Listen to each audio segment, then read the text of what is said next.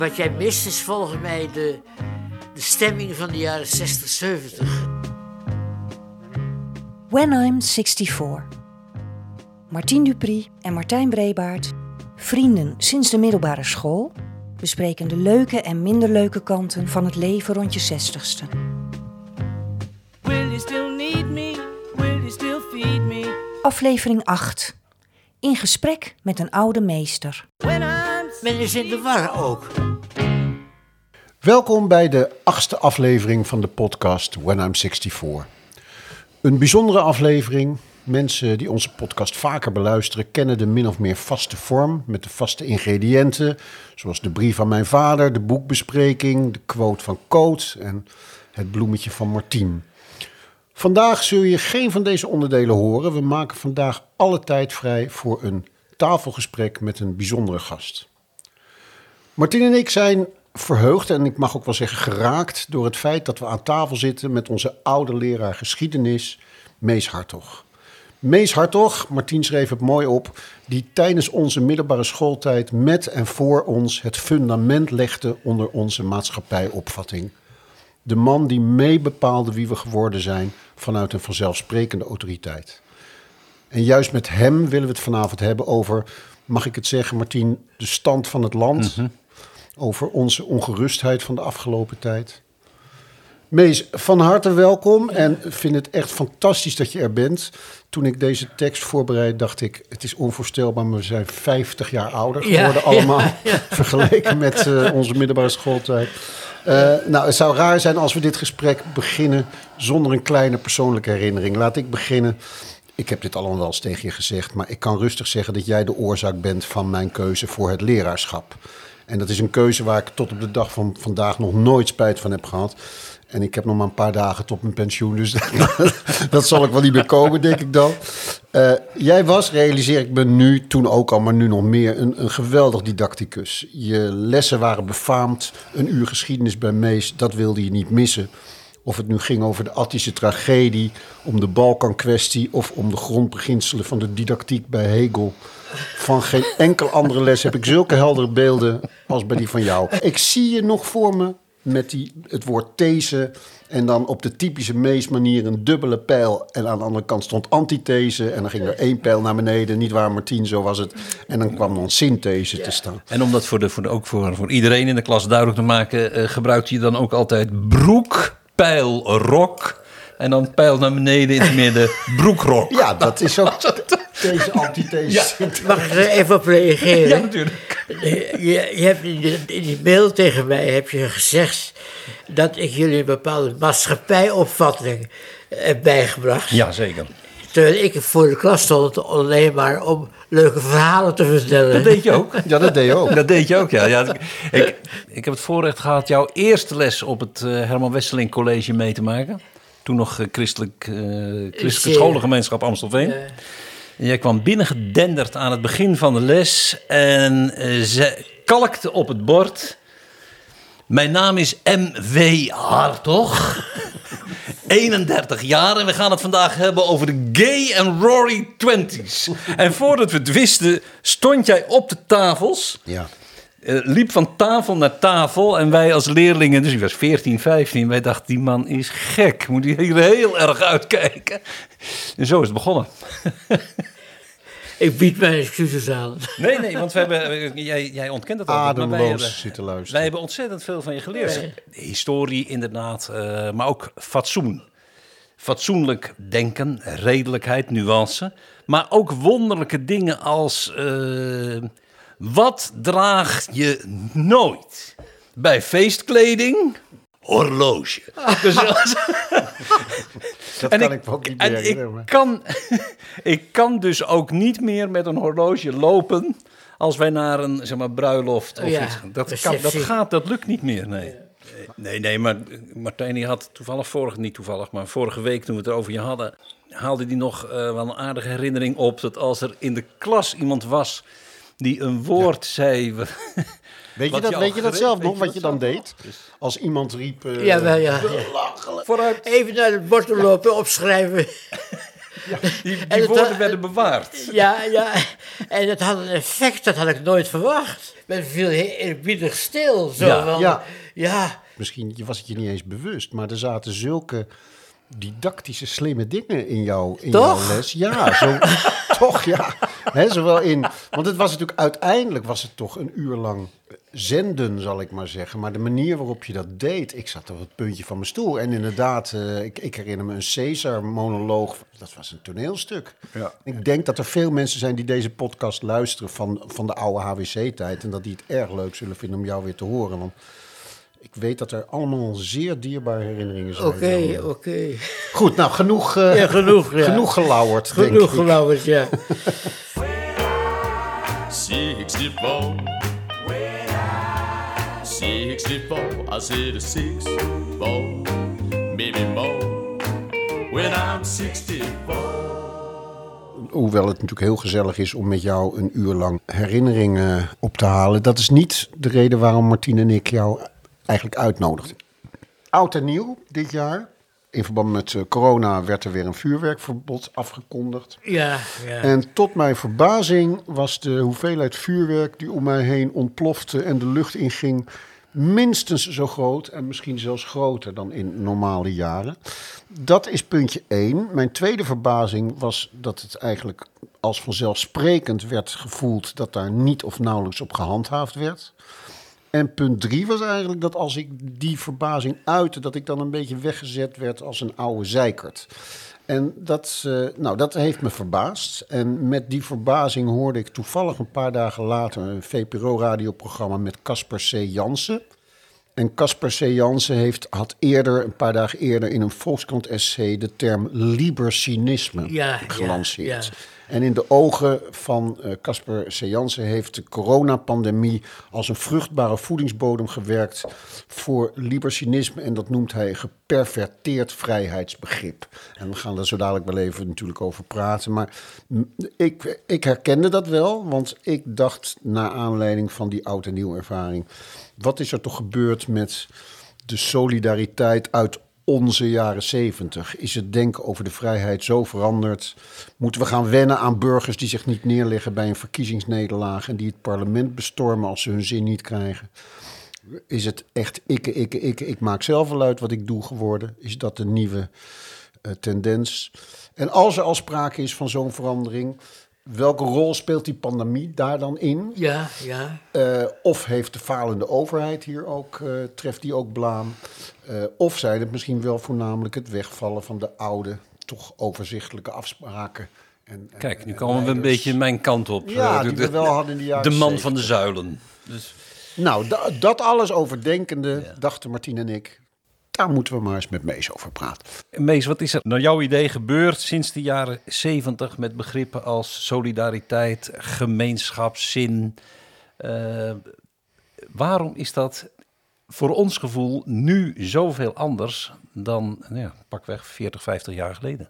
Ja, eh, over het verhaal af dat, ik- dat ik les ga geven. Jazeker. Dat is de bedoeling.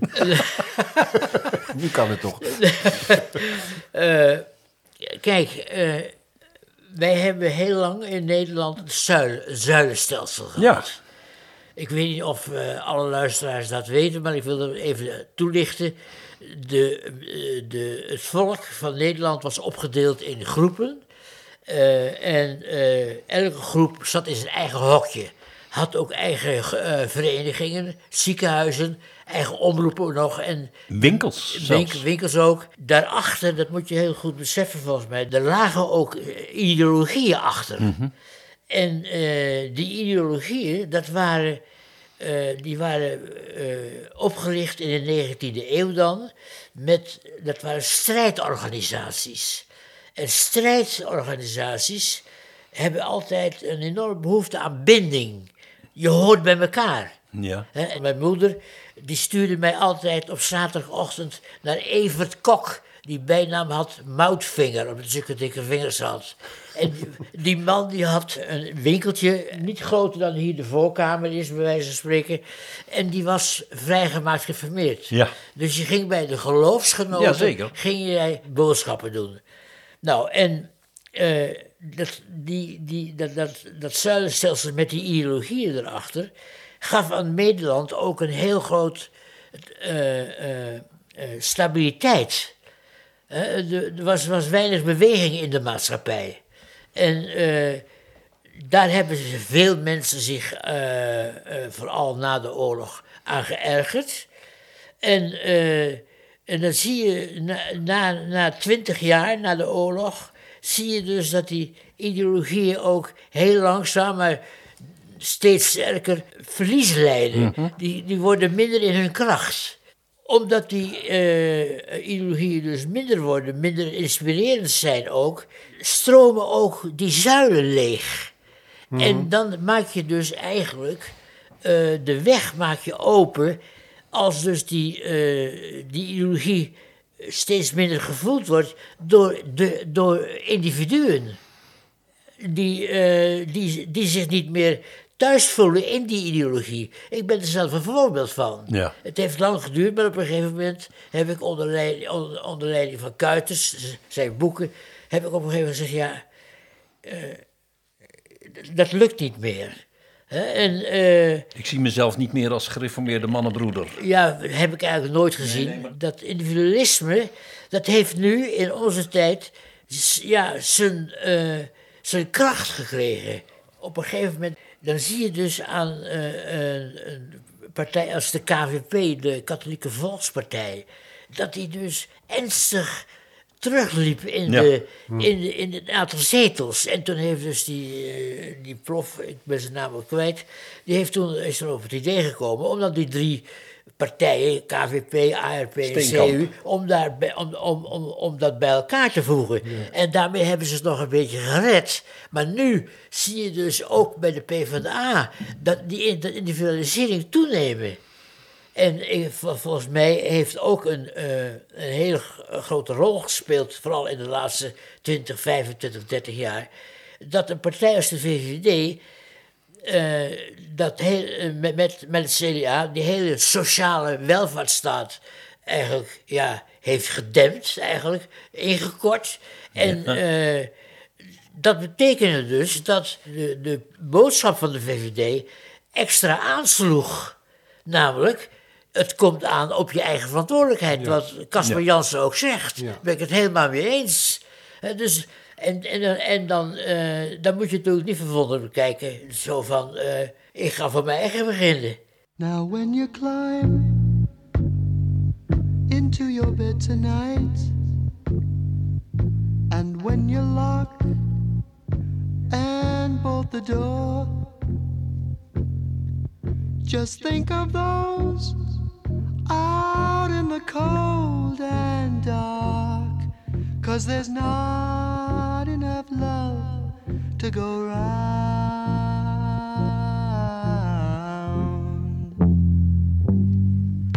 And sympathy is what we need, my friend. And sympathy. Er zit in een volk altijd een groep mensen die erop uit zijn om stennis te maken. De matrozen van de marine hebben op een gegeven moment Ja. ook de hippies van het Dammonument afgeslagen. Ja, Kijk, 1966. en Ja. die, die, die marinejongens die, die, eh, eh, die handelden dus vanuit discipline. Hè. Die hippies waren veel te, veel te los van, van, van optreden en zo. En die hingen daar maar op hun luie kont. Maar dat werd, de- die, die aanval op die hippies werd door een groot deel van de bevolking wel goed, ge- ge- eh, goed gevonden. Zelfs een vliegtuigje volgens mij, met dank aan de mariniers. wat, daar, eh, ja, wat daar vloog. ja, De, ja. ja- de Jantjes heten ze Ja, en Ja. eh, kijk, en eh, als je dan toch daarmee begint, eh, dan, dan hoeft er maar weinig te gebeuren om de straat ruimte te geven. En ik vind bijvoorbeeld dat Wilders daar een hele grote rol in heeft gespeeld. Heel erg. Dan komt er in zo'n, in zo'n land, komt toch op een gegeven moment de sfeer van hij heeft het goed gezegd, doen wij ook. Want hij, die man heeft natuurlijk wel al 25 jaar het voorbeeld gegeven eh, hoe je iemand kapot kunt maken. Denk aan Cohen. Job Cohen, die uit de Kamer is gegaan omdat hij door Wilders op, op een afschuwelijke manier eh, behandeld is. Maar ik, ik erger me er vooral aan dat ook in de Tweede Kamer er zo gemakkelijk omheen gekeken wordt wat er nu eigenlijk aan de hand is. Want wij hebben van jou, daar gaat hij weer, geleerd dat je in de Tweede Kamer in principe alles kunt zeggen, alleen niet over de persoon tegen wie je spreekt. Ja, daar heb je het. Je zegt niet, mevrouw Vogelaar, u bent gek of jij bent gek. Je zegt, mevrouw Vogelaar, u heeft een volstrekt malotig gek plan. En niet op de persoon. Ja, Maar daar wordt dus eh, niet op ingegrepen. En waarom dat is, kan ik alleen maar verklaren. Omdat de voorzitters, de Tweede Kamerleden vinden dat het Nederlandse volk...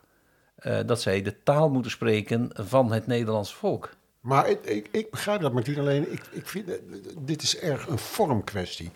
Ja. Terwijl ik denk, is er niet iets nog wezenlijkers aan de hand... dat wij werkelijk gewoon in een tijd leven waarin het, het, het, het egoïsme... Het, het ruksigloze egoïsme veel groter geworden is. ja mag, ik- mag, Ja, graag. mag ik Ja. erop ingaan? Kijk, doordat die, eh, die ideologieën verbrokkelden, kleiner werden, daardoor is, is men ook op voorbeeld van, de, van, de, van, van meneer Wilders en nog van andere figuren, eh, Baudet en zo, daar, daar is die geesteskracht van die ideologieën ook minder geworden.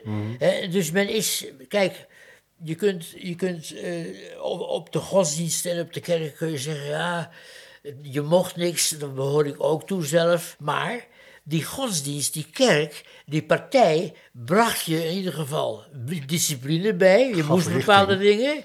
En bracht je ook een boodschap bij die boven de mensen uitging. Ja, ja, ja, ja. Die buiten de mensen zelf staat. Ja, dus eh, eh, de, de, de, de, de jeugd van de SDAP ging met Pinksteren altijd naar Lunteren toe. Om daar dus Ja, te gaan ja, volksdansen enzovoort. ja, ja, ja. En dat deed men omdat men wist, ja, wij moeten één zijn voor de arbeiders. Want als we één zijn, dan krijgen we, eh, eh, krijgen we zetels in de Tweede Kamer en dan kunnen we iets doen. Maar Mees, is het dan logisch? Want dat gedeelte begrijp ik helemaal. We zijn stuurloos geworden. Ja, stuurloos, ja, ja. Maar is het dan logisch dat dat uiteindelijk leidt tot het egoïsme waar ik het, waar ik het nu over heb en waar ik me aan stoor? Want ik denk, wij hebben in de 70 jaar hebben we toch allemaal achter onze eh, eh, spandoeken gestaan eh, om rietsuiker te produceren voor gebieden waar we nauwelijks kijk op hadden uit een soort solidariteit. En ik voel die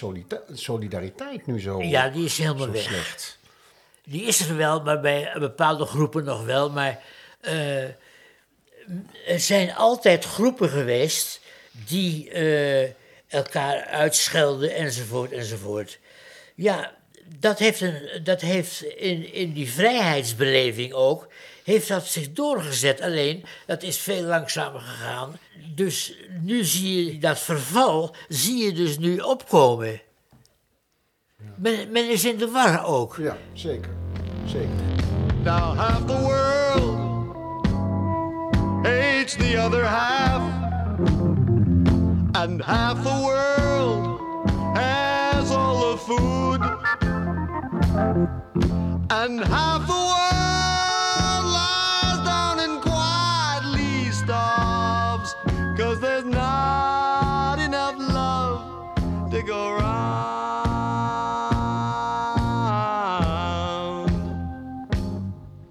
And sympathy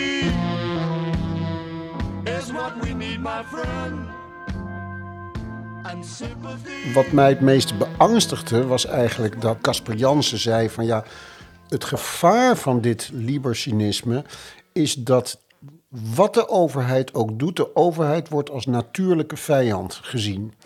Eh, want eh, beperkt jou in je persoonlijke vrijheid, wat ze ook doen.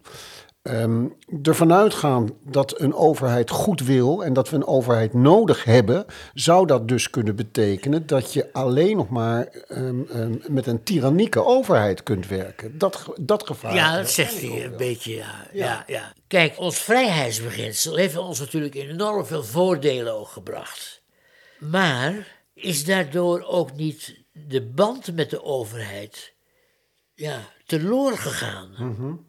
Dat, dat, is, dat is heel erg. En, en jij bent er door eh, van je apropos. hè, eh, dat heb ik ook gehad. En, en als, dan, als, dan die overheid daar niet adequaat op, op ingaat en straft, denk ik ook, ja, dan spreidt zich dat natuurlijk ook uit over andere dorpen. Ik zou je- straks heel graag nog eventjes over dat, dat, die straffende overheid willen. Maar vroeg mij even één dingetje af. Hoe heb jij als historicus zitten kijken naar de bestorming van het Capitool? Dacht jij van dit is uiteindelijk het zaad wat Trump zelf zaait, wat hier nu naar boven komt? Of Nou, ik was, ja, ik wist niet wat ik meemaakte. Amerika, het platteland, is tot en met conservatief. En als die dus verliezen, ja, dan gaan, ze, dan gaan ze wel iets beginnen als hun leider hen daartoe oproept in bedekte woorden dus. Ik wil het nog wel doortrekken.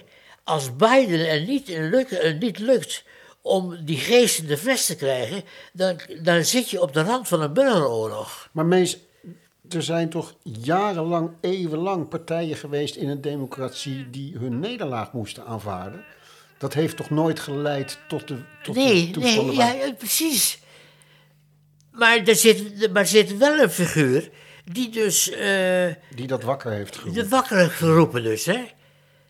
Je, eer, je krijgt dus die eerbied, die aanhang, die, die, die obsessie. En dan degene die dan de drager is van de obsessie, die gaat dan zeggen, ja jongens, kom maar, kom maar, kom maar naar Ja, Washington maar, maar, toe. is het, maar is het verschil dan niet meest dat vroeger die mensen niet op die verkiesbare plaats kwamen te staan? Vroeger kwamen, ook bij de PvdA, ook bij de Democraten in Amerika, de uiteindelijke kandidaten natuurlijk echt uit het establishment. En Trump is natuurlijk van buiten afgekomen, net zoals nu allerlei mensen. Ja, die- kijk, vroeger was, eh, Ja. hoe heet die koekoek van de Boerenpartij, was natuurlijk een exoot. En bleef, en bleef dat ook. Maar, nu zitten er wel heel veel exoten eh, in de Tweede Kamer. Nou, hier heeft, dan breng ik een andere factor in. De welvaart heeft hier ook een hele grote rol in gespeeld. Want, ik weet nog, toen in Spakenburg in de jaren 50 bepaalde mensen op vakantie gingen, dat, dat werd in het hele dorp gezegd. Die en die gaan we op vakantie. Waar houden ze het geld vandaan halen? Henk Hofland, de journalist, die heeft eens een keertje gezegd: Wij zijn allen schuldig. En daar, daar heeft hij eh, heel, heel iets waars gezegd. Kijk, door die welvaart kunnen we dus heel veel doen. En dat, dat bevordert het individualisme ook. Jij gaat naar, eh, op vakantie naar Mexico. Jezus nog. Ga, gaan ze wel terug naar de jaren 60. Toen ging het nog niet meer naar de 60. de- de- Mexico. Nu gaan ze dus eh, op de Zuidpool gaan ze bivakeren. Ja. En iedereen... Ja, Of mee de ruimte in. ja, ja, de ru- ja, Kan ook, hè? dat kan ook nog, ja. Hé, maar eventjes, hè, want ik zou zo graag nog even terug willen naar mijn zorg. En Ja. in de eerste plaats ben ik benieuwd of jij die zorg ook deelt, maar vervolgens ook die geest en die fles, daar had je het net over. Kan die geest terug in de fles? En je had het net over, misschien moet er meer straffend worden opgetreden. Of zouden wij geholpen zijn bij een nieuwe ehm, visionair politicus die ons weer in het gareel krijgt? Nou, het- ik- maar Sorry mees, even. Het, het, het, het keyword hier zou moeten zijn, en dat heb ik niet helemaal van mezelf, maar ook van Mees in, eh, in een gesprek vorige week, zou natuurlijk het woord gezag moeten zijn. En wij zijn nu al zover dat we bij gezag denken aan, zoals jij dat noemt, eh, gezag gebaseerd op discipline. Ja. Maar we hebben natuurlijk ook nog gezag gebaseerd op hadden, op visie, op bewondering misschien. een gezag uitoefenen is een hele moeilijke zaak. Heel veel mensen kunnen dat niet eens. En ik kan het in bepaalde opzichten ook niet. Maar ik wil even terug naar die visionaire politicus. In die Tweede Kamer zitten momenteel geen mensen die in staat zijn om met hun argumenten, met hun principes, gezag uit te oefenen over de rest. Die Vera Bergkamp, dus die voorzitter van de Tweede Kamer, die heeft nu een, een vergadering belegd. Wie doet niet mee? Eén keer raden. Wilders. Ja, die gaat dus gewoon door. En er wordt dus geen, niets in de, in, de, in, de, eh, in, in- de weg gelegd. Hij blijft dus als een soort demagoog, als een volksmenner, blijft hij dus daar in de Tweede Kamer zijn aanhangers ophitsen. En dat baart jou zorgen? Ja, dat baat mij zorgen, ja. En, en waarom? Ja, waarom? Nou, dat zal ik je vertellen. Waarom? Eh, kijk, als, de, als die me- mentaliteit nog sterker wordt en men eh, rotzooi gaat maken en men dus eh, ook de overheid eh, op een of andere manier belachelijk maakt en zo doorgaat, dan krijg je een moment dat er een figuur komt die, en die heeft zich daaraan geërgerd en die zegt: Ik ga jullie leiden naar Orde. Nou, niet naar orde, maar nou ja, in ieder geval, hij schildert een beeld dat die mensen aanspreekt. Nou, en dan ben ik bang dat we dus een eh, fascisme krijgen van de nieuwe soort.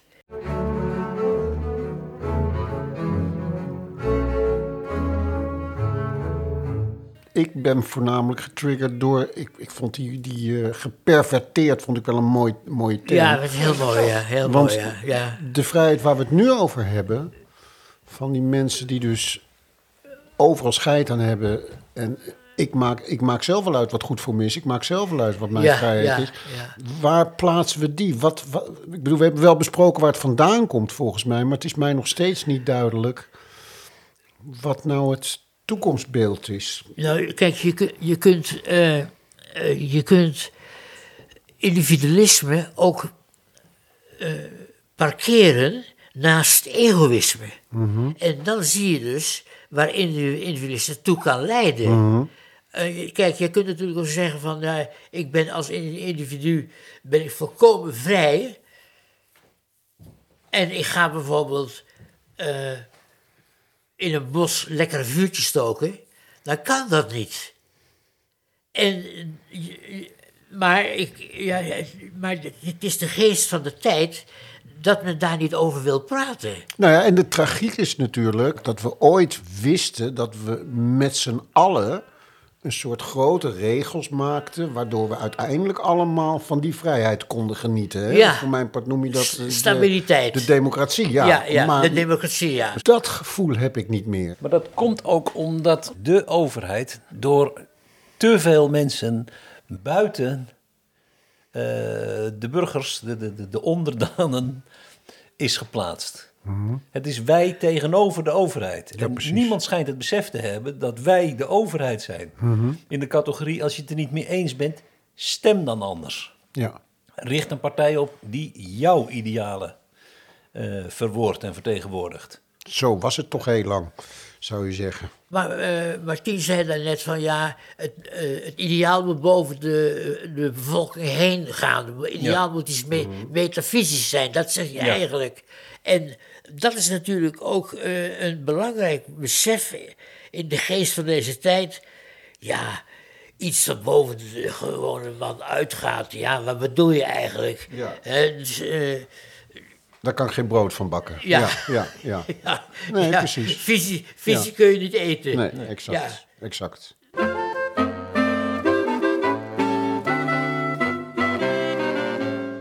Kijk, we hebben ons dit allemaal kunnen veroorloven omdat wij stikken in de welvaart. Nou, dat zou ik zeggen. Dat is verschrikkelijk gewoon. Hoeveel geld er in Nederland zit. Het is werkelijk miljarden zitten er onder die eh, on- eh, rijke grote ondernemingen. Ja, als dat het voorbeeld is, als je als ZZP'er daarheen kunt gaan, ja. Wat zal ik me wat aan laten trekken van de, van de overheid? De overheid zit mij, zit mij veel te dicht op de hielen. En dan, dan, dan red je het ook niet meer met termen als links en rechts, toch? Nee, nee, nee, nee. Daarom Prester zei, fascisme komt onder een andere naam. En daar ben ik erg bang voor. Ja, ik zal het, ik zal het niet meemaken met mijn leeftijd, maar eh, ik ben toch eh, bang eh, voor jullie kinderen en voor mijn kinderen dat, dat die nog een hele zware sigaar moeten roken. Ik had toch graag gehoord dat mijn oude geschiedenisleraar had gezegd... nou, dat moet je allemaal niet zo zwaar zien. 64. 64, I said a six, four, maybe more. When I'm 64. Jij had Mees aangegeven dat je eigenlijk belangrijk vond om nog een gedicht te laten horen. En jij koos voor Lucebert. En misschien, los van het prachtige gedicht, is het wel goed als je eventjes het bruggetje maakt naar Ja, waar we het doen. over gehad hebben. Eh, kijk, eh, ik heb dat artikel van Casper Jansen gelezen. Op een gegeven moment was ik weg van de woorden die hij gebruikt bij de eerste alinea in dat artikel. Ik zal het even voorlezen. In het verzet tegen de coronamaatregelen, met name rond vaccinatie, worden daar overduidelijke dingen gezegd dan gaat het over tribunalen, genocide en vluchtplan voor ongevaccineerden. Maar er zijn ook tegenwerpingen die in eerste instantie tenminste wel overwogen klinken. Ze zijn afkomstig van mensen die de belangrijkste feiten rond corona wel, weliswaar willen accepteren dat ook graag benadrukken, maar bepaalde maatregelen toch griezelig vinden. Deze alinea slaat, met het hele artikel erbij, op de verwarring die eigenlijk in Nederland bij bepaalde groepen heerst. En dat zijn niet zomaar mini-groepjes, maar dat zijn eh, grote delen van het Nederlandse volk. En eh, dat gevoel dat ik erbij krijg, eh, heb ik ook bij dat gedicht. Maar dat is een andere situatie. Want Lucebert heeft dit gedicht gemaakt eh, zeven jaar na de oorlog. En hij vertelt eigenlijk op een eh, metaforische manier hoe hij die oorlog en wat erna komt ervaren heeft. Ik tracht op poëtische wijze. Ik tracht op poëtische wijze, dat wil zeggen eenvouds verlichte waters, de ruimte van het volledige leven tot uitdrukking te brengen.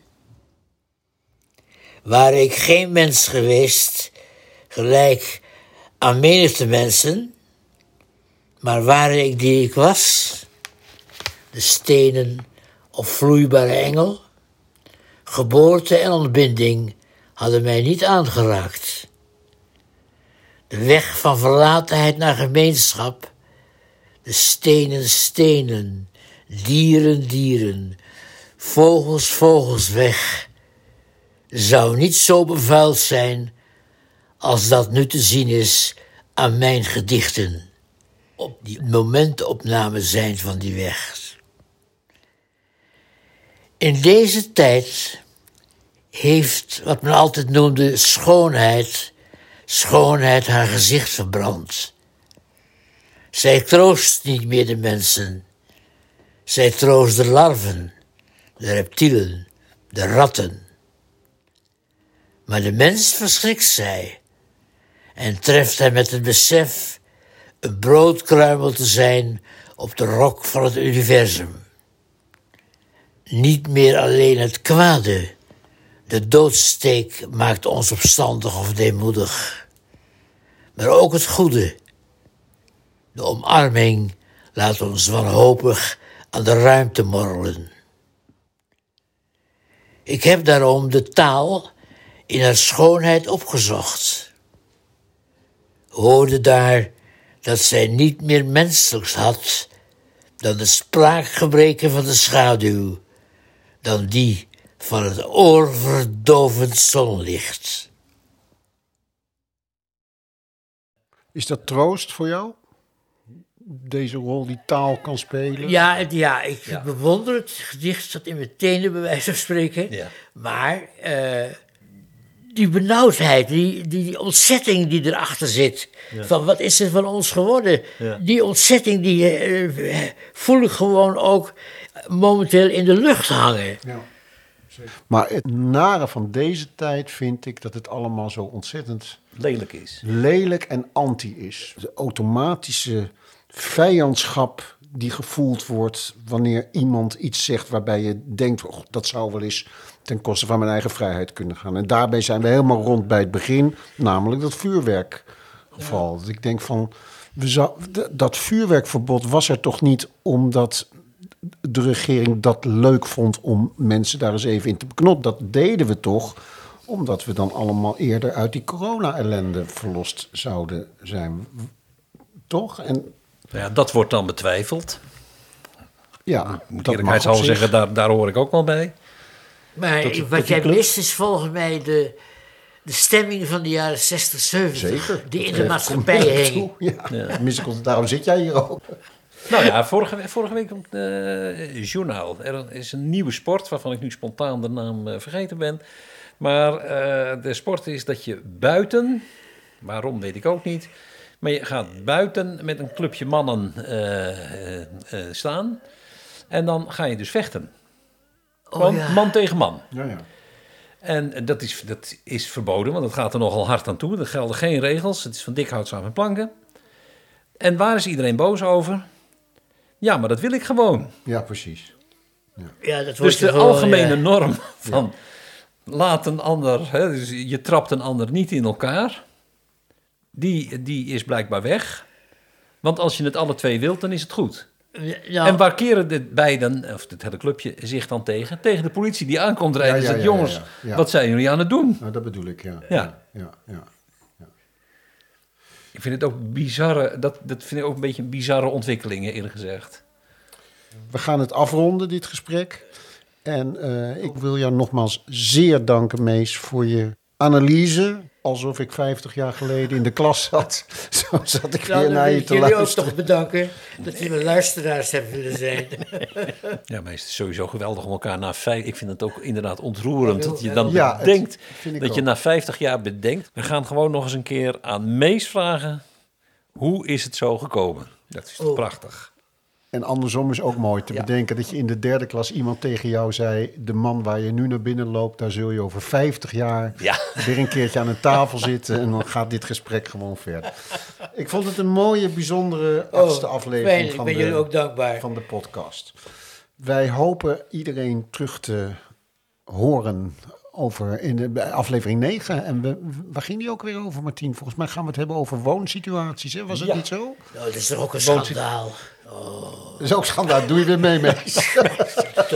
Mees, als er nog één schuinwoner is, dan ben jij het wel. Ik bedoel, Zit dan met z'n tweeën in een, in een Ja, woning ja. waar... eh, Weet ja. je dat de PvdA in de jaren 50 een keertje voorgesteld heeft om eh, mensen die... eh, die En terwijl deze twee heren verder discussiëren, sluit ik de podcast af. Ik wens iedereen vooral veel warme saamhorigheid. En we hopen jullie over twee weken weer aan te treffen. Dag!